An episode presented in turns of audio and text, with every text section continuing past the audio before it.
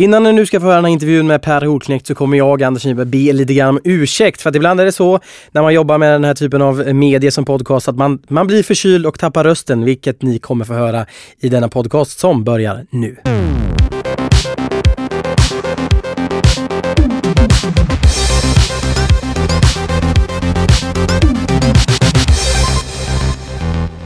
Du lyssnar på... Nej, det går inte. Du lyssnar på VentureCaps podcast säsong 2 som du har hittat på VentureCaps hemsida, venturecap.se. Den finns ju även för Android och på iTunes. Eh, som ni hör så är jag väldigt, väldigt eh, hes och förkyld idag. Eh, men det är då väldigt tur att vi har vår eminente gäst Per Holknekt här. Välkommen hit Per. Tillika pratglada gäst så du får spara dina stackars stämband. Det låter underbart. ja, tack för att jag får komma hit. Väldigt kul att du kunde komma hit. Per, ja. eh, lite kort, vem är Per Holknekt? Vem är Per Holknekt? Ja, vad ska jag säga om det? Herregud, en, en, um, jag är en dalkar som har um, levt uh, väldigt många år på väldigt kort tid, ser mycket yngre ut än vad jag är och uh, lever just nu med plåster på hjärta och själ och kämpar på och har ett CV som kanske inte alla har. Du är också superentreprenör. Om du så vill. Det kan man väl kanske säga. Jag gör väldigt mycket. Du ligger bakom eh, företaget Odd Molly som vi kommer att prata ganska mycket om idag. Ja, du har också startat eh, en av världens största skateboardtidningar. Du är skateboardproffs. Eh, du har varit skateboardproffs. Du har också tävlat i VM i flipperspel. Ja, då. Är det en bra summering? Ja, den listan kan ju förstås göras mycket, mycket längre då, men det är väl en, ett kul litet kompilat. Ska vi börja då? Ska vi börja med backa bandet till ja. 2002? Yeah. Vad va var Per i livet då? Uh, eh, 2002, vet du vad, då hade jag ju um, uh, om vi går in i, i början av 2002, då hade jag ju gått igenom um, ett, ett, år eller så innan en rehabilitering då för ett tidigare, uh, en kollaps av ett missbrukande liv.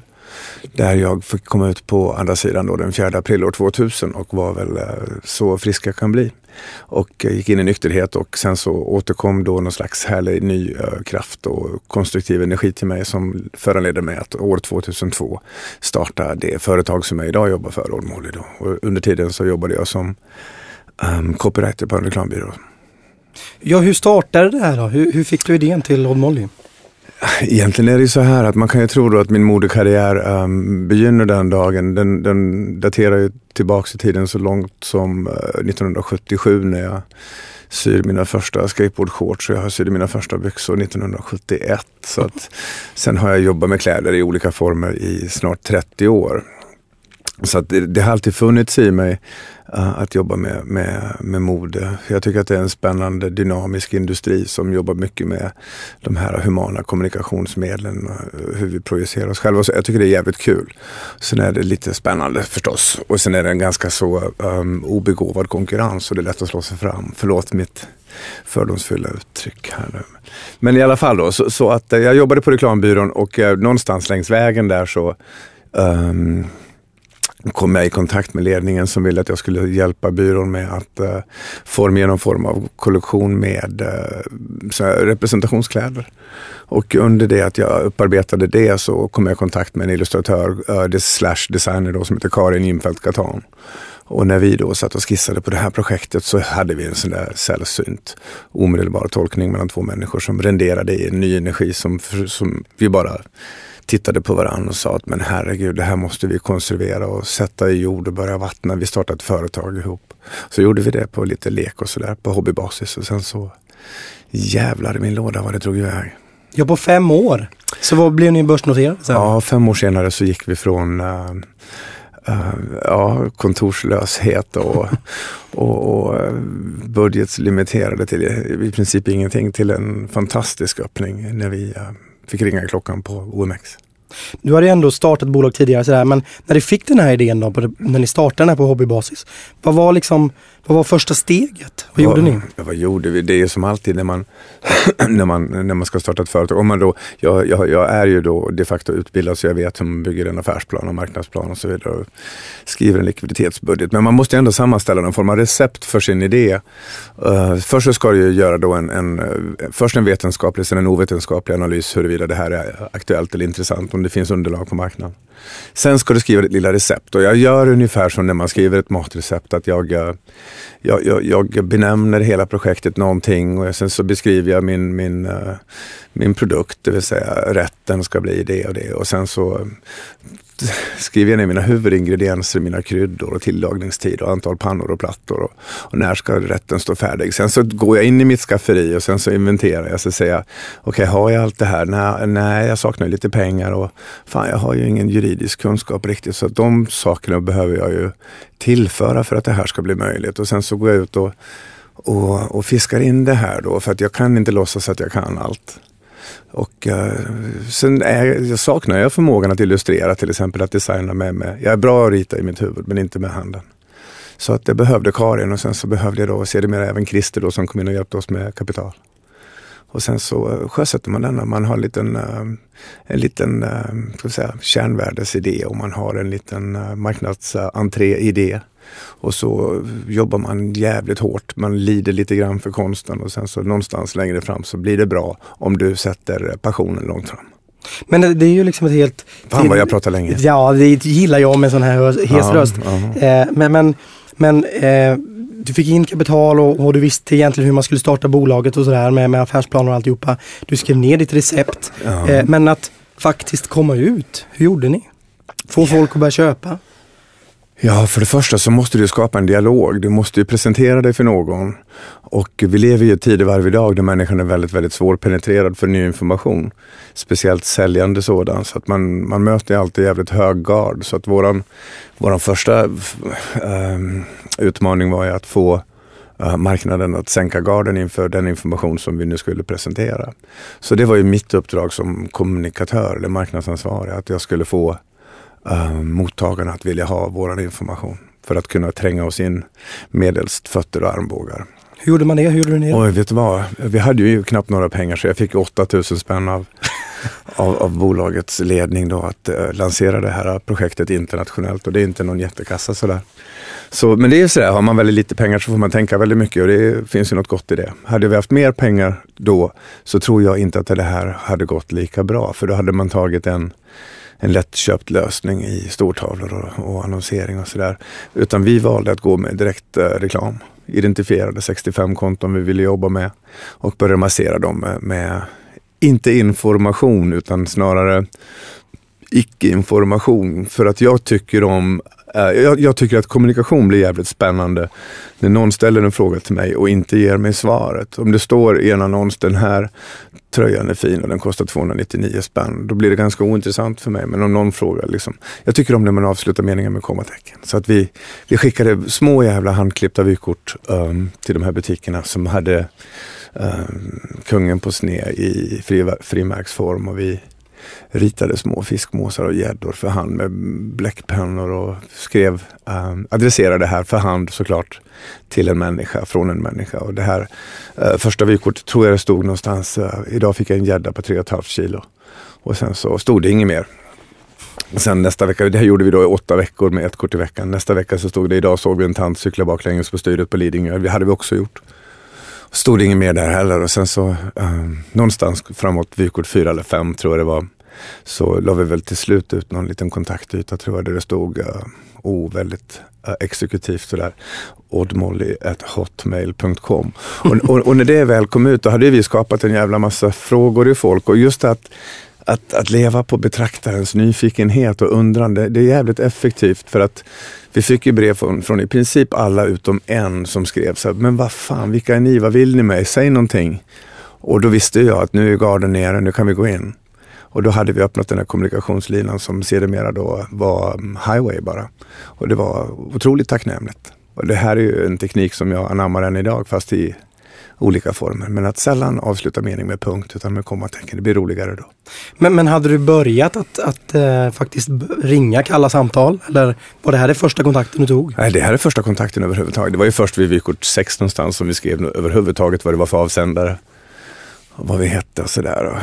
Ja. Sen så när vi ser det mera då ringer upp och frågar om vi får komma och berätta vad det egentligen vi håller på med så var det ju röda mattan utrullad och teet var på kokning och skonsen var i ugnen. Liksom. Var, alla ville ju bara träffa oss och de gillade det. Tyckte det var skitroligt med allt detta. Och sådär. Så att eh, föga vetenskapligt men ack så effektivt. Så egentligen din, din ganska minimala budget gjorde att den här, de här kreativa tankarna kom igång? Ja, låg budget, hög kreativ höjd. Man är ju tvungen att hitta på något smart. Och så. Så, där, så, så där har jag jobbat nu i, i tio år med det här bolaget med, med små um, ja, ganska igen då, ovetenskapliga lösningar på hur man berättar sin story och får folk att vilja höra. Går det här att lära ut på något sätt hur man ska tänka så här? Jag vet inte. Eh, jag tror, jag tror det. Snarare så, så, måste man nog lära av folk, eller lära in folk. För vi är så programmerade av våra utbildningsformler och, och vi citerar våran jävla Kottler och Gummesson och sen så och sen så snöar vi in på våra spår och, och man ska göra sin SWOT-analys och sina Boston-matriser och sen så hamnar vi i det här träsket där alla gör samma sak. Och sen så i, i, i det här förståndiga rummet så blir det blir jävligt trångt. Och eh, det blir väldigt, väldigt svårt att göra sin, sin röst hörd. Då jobbar jag gärna där ute där man eh, blundar lite grann för att se istället. Vi hade en, vi hade en, eh, en gäst Fan, för några... vad krångligt att prata. vi hade en gäst för några veckor sedan, Charlie Söderberg kanske känner till från Blues och Lyxfällan. Han sa att man måste våga vara förvirrad. Kan det ligga något, är det samma tänk? Jag tycker man ska, måste våga vara förvirrande till och med. Så att jag tar det ett steg längre. För att um, att uh, leka lite med våra kära huvuden som oftast uh, går långt under sin potential är jävligt spännande. Att jobba ut i det här ogoogelbara. Du, eh, vi kollar på lite grann målgruppen för Odd Molly. Ja. Kvinnor 22 till 45 har jag läst någonstans. Ja, enstaka män.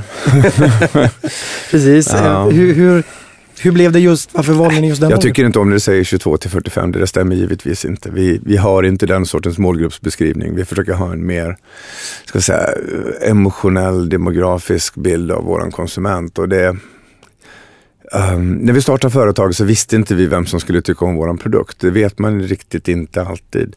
Så att, och, och då tänkte vi som så att en ung kvinna hon vill ju oftast vara lite äldre. Och en äldre kvinna vill oftast också vara lite yngre. Så måste det finnas någon liten magisk mötespunkt mellan de här två fenomenen. Och där ville vi befinna oss, mitt i, fiska från bägge håll. Och sen visade det sig bara att när vi väl kom dit, för vi ville ta reda på var finns våran kund, så visade det sig att våran kund kom ovanifrån. Hon som var mindre uh, ung, om vi ska säga det fint. Och det är en köpstark kvinna, en kvinna med hög integritet, skapat sig ett eget liv, fattar egna beslut, är mindre ängslig, eh, lite förståndigare, hittat hem igen, cool och oftast i eh, ganska spännande eh, livsmoment. Sådär. Så att, så att, eh, jag tycker inte om att säga 22 till 45.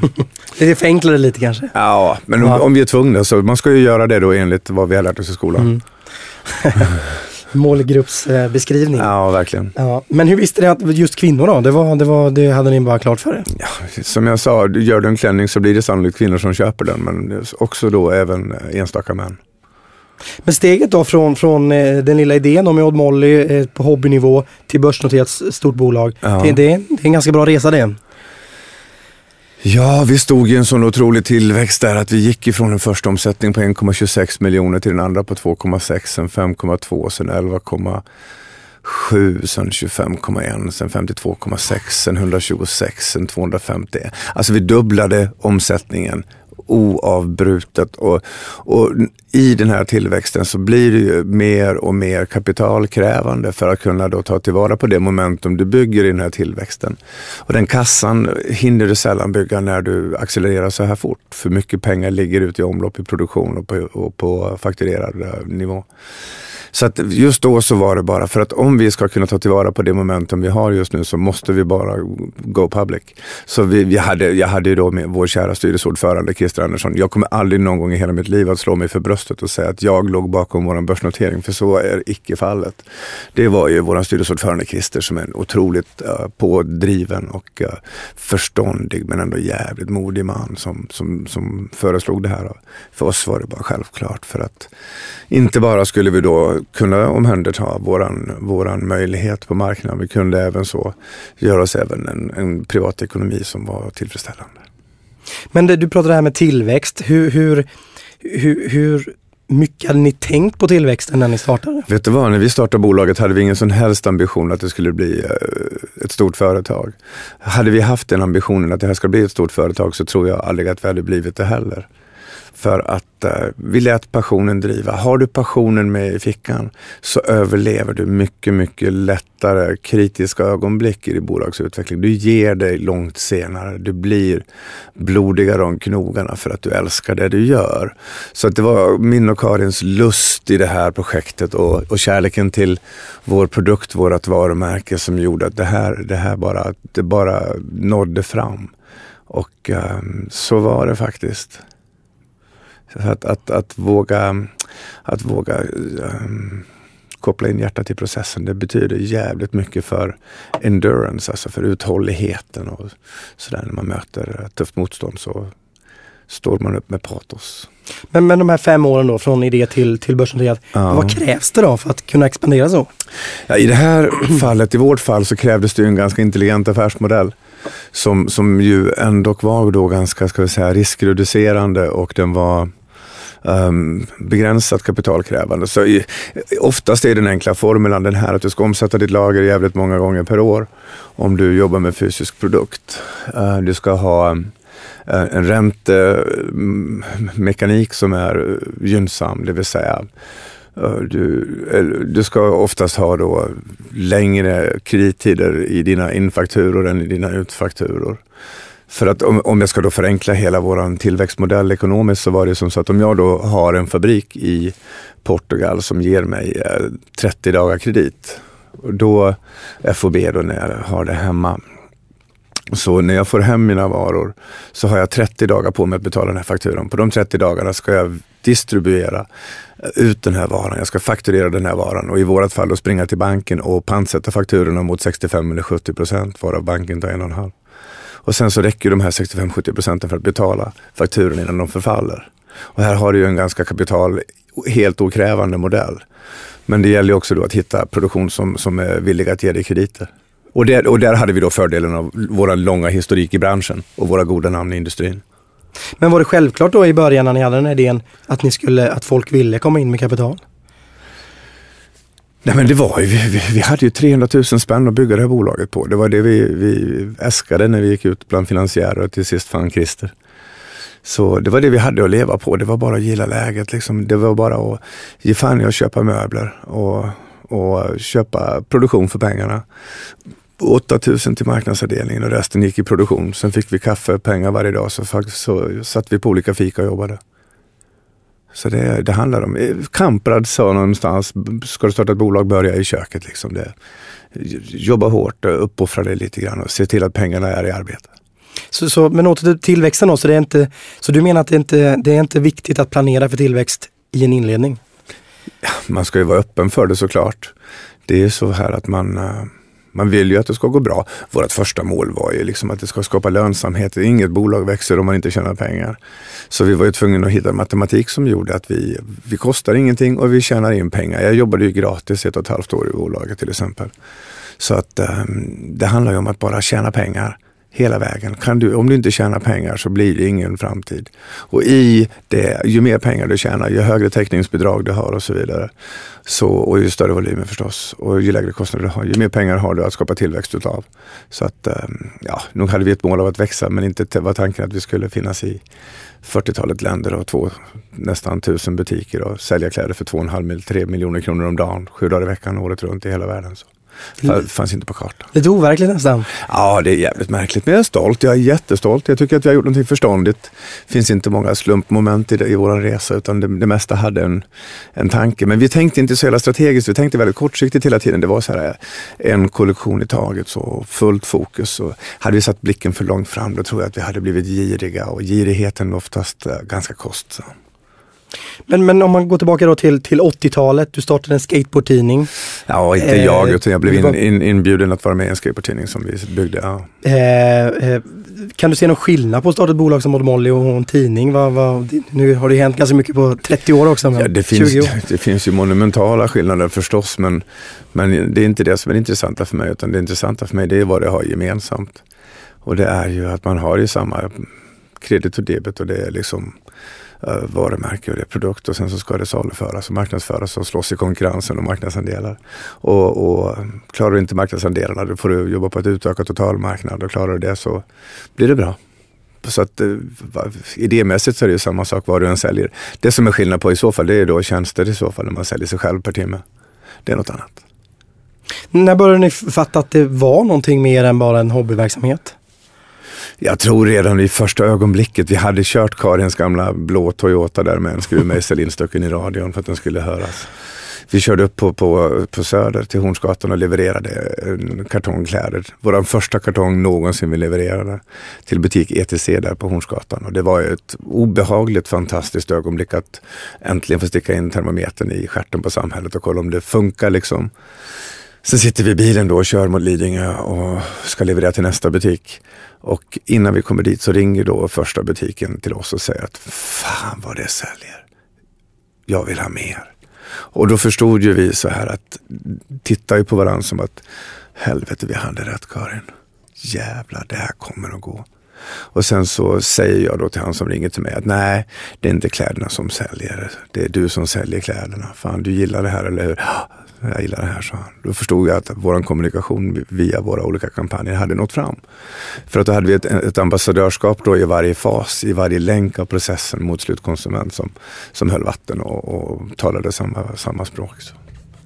Men just det här att, att första gången förstå att det här säljer och säljer jävligt bra.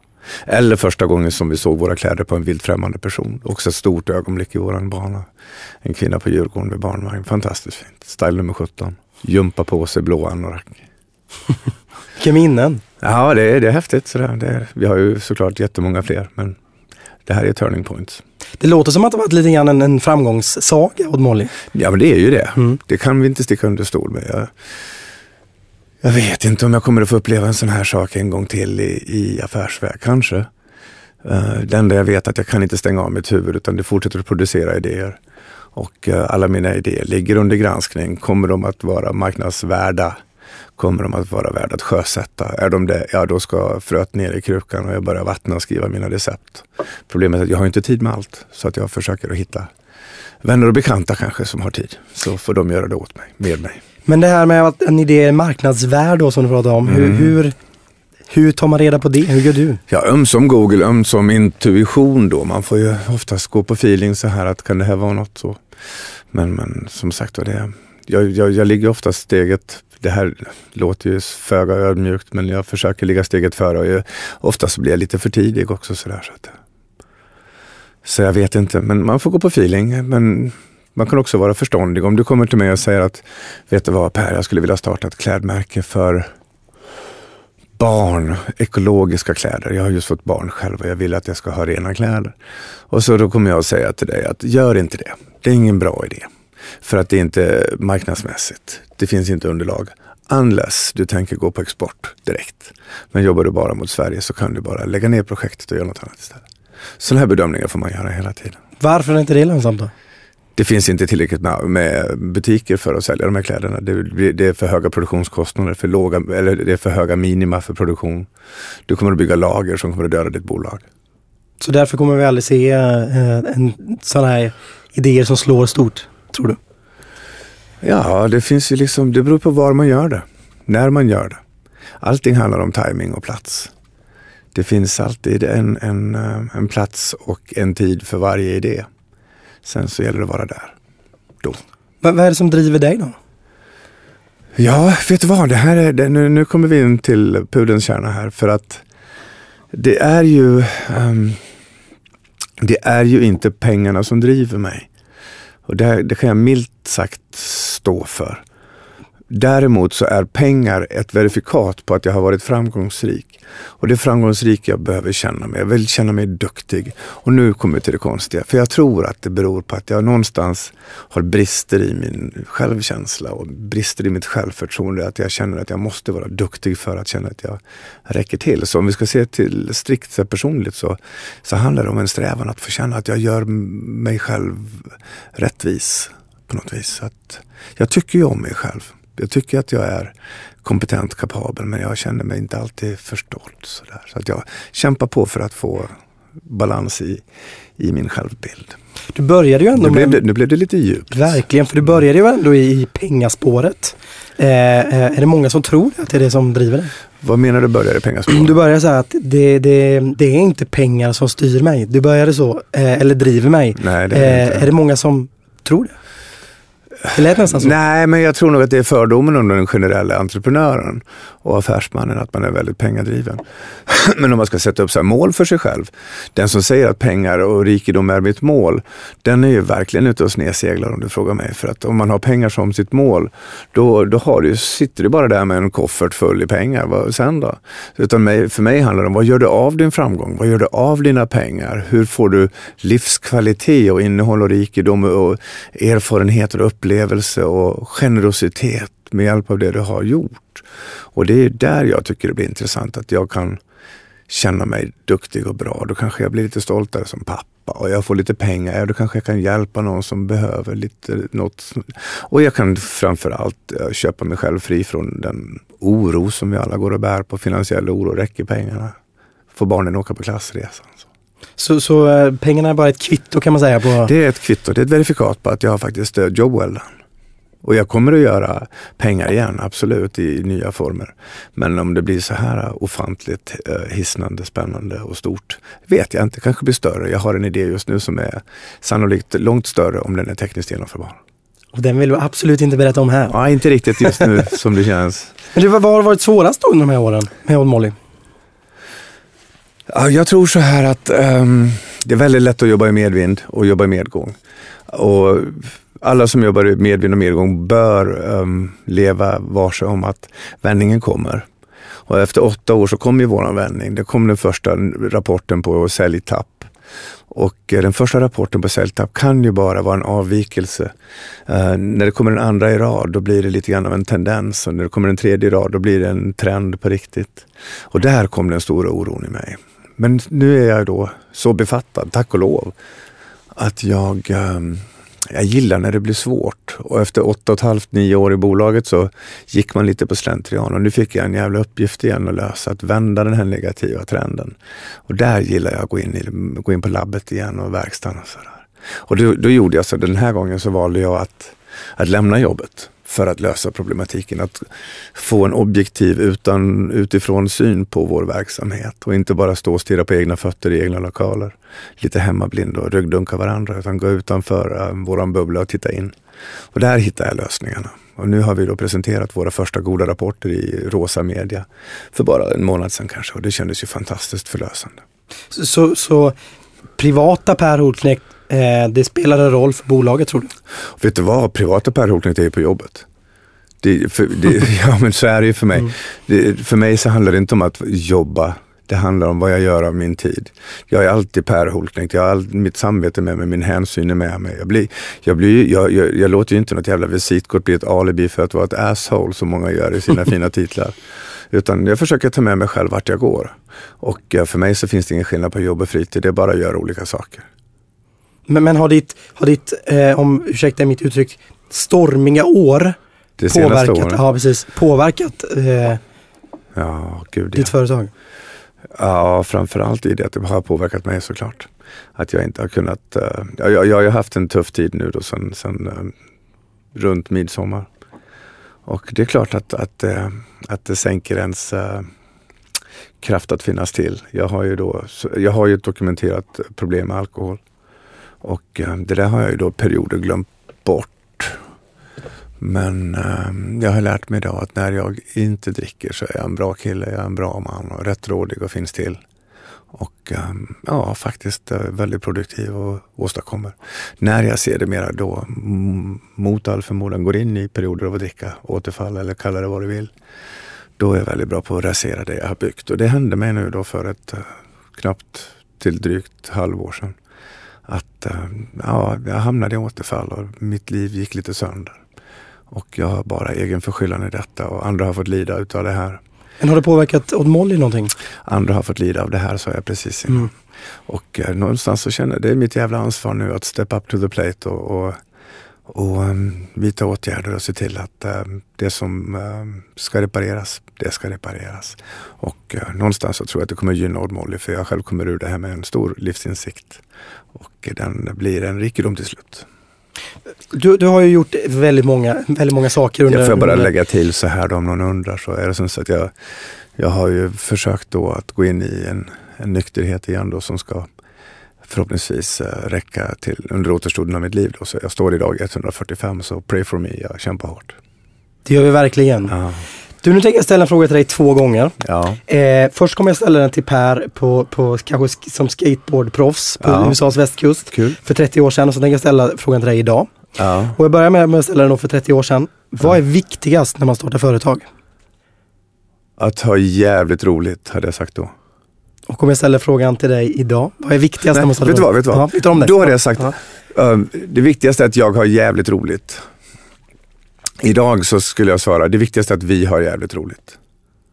Så teamet eh, har blivit viktigare längs vägen? Teamet har blivit viktigare. Jag förstår att jag är så beroende av människor i mitt bolag. Jag är så beroende av partnerskap och de här människorna som gör det möjligt för mig att agera. Sannolikt är det som så att jag då, Karin och vi som oftast hamnar i pressen och media, vi skulle ju inte vara vattenvärda om det inte vore för att vi hade ett tajt försvar i företaget. För våra tjejer och killar som sitter på logistik och på kundtjänst och på ekonomi och de här som, som sällan får överhuvudtaget annat än att komma på julfesten och, och, och käka tårta när någon fyller år. De är ju för mig, det är de stora hjältarna. Det är de som gör mig möjlig. Så att om vi har roligt, ja det är därför vi på firman, vi har gemensam yoga på tisdag-lunchen och vi, vi får massage en gång i veckan allihop och sen så blir det lite champagne här och där och vi sticker ut och springer på lunchen hela gänget. Vi försöker liksom på något vis, eh, ja jag vet inte, nu pratar jag för mycket igen. Men på något vis sådär. Ja, jag gillar laget, vet du det? Laget. Mm, Om jag blev politiker en vacker dag så skulle jag måla upp ett baner där det stod eh, mer att dela på, mer blått att dela på rött. Och där har du mig ungefär, att jag, jag är gärna med och delar med mig av det som går bra. Och har vi mer att dela på, då mår vi bättre ihop. Fina ord. Ja. Du, eh, eh, man brukar säga så här, du säger att du kommer på idéer ganska ofta, med mycket nya idéer och sådär Ja. hela tiden. Eh, man brukar, det finns de som säger att en idé bara är 10% av ett företag och resten är teamet, entreprenören och kanske jävligt mycket jobb. Jag vet inte, men vad, vad är dina eh, åsikter om det? Ja, idén är ju förutsättningen överhuvudtaget. Men jag vågar ändå påstå att människan är ju sannolikt långt större än idén. Så att det som skapar förändring i ett företag det är ju människorna och inte idén egentligen. Jag tror att bra människor kan göra mycket av en dålig idé och dåliga människor gör ingenting av en god idé. Så att där har du det. Eh, sist men inte minst så brukar vi avsluta alla de här intervjuerna med eh, att du som blir intervjuad Ja. eh, Dela med dig av kanske dina absolut bästa tips till andra som vill göra kanske samma resa som dig. Eh, man står med kanske sin idé och man vet inte Ja. riktigt nästa steg och sådär. Ja. Eh, ska, vi, ska vi börja med tips ett? Ja, se det som en hobby. Um, hoppa över två, TV, två så här tv-program om dagen och sätt dig inne på labbet och snickra och skriv ner saker. Skriv ner saker. Det är tips nummer ett. Tips nummer två. Skola dig, gå i utbildning. Lär dig hur, hur det funkar när man ska skapa svarta siffror. Och tips nummer tre? Eh, våga förstå att du är mitt i en konkurrenssituation, en tävling. Koppla in tävlingsinstinkten. För att du kommer ingenstans om du inte besegrar någon. Du är tvungen. Är livet en tävling? Vare sig vi vill eller inte så är livet en tävling om kärlek, om marknadsandelar, om hierarkier, om uh, snyggast bil, jag eller grannen. Uh, först till bussen, vem får sitta ner? Det är tävling vart vi än går. Vi jämför oss med andra människor. Det gör vi hela tiden, du och jag och ni som lyssnar. Och den här jämförelsen är oftast ett sju jävla otyg. Per Oknäckt, det har varit en ära att ha dig här. Eh, nu är min röst helt slut snart. Men du har pratat desto mer och desto bättre. Ja. Tack så jättemycket för att du kunde komma hit. Ja, tack själv och tack ni som orkade sitta kvar.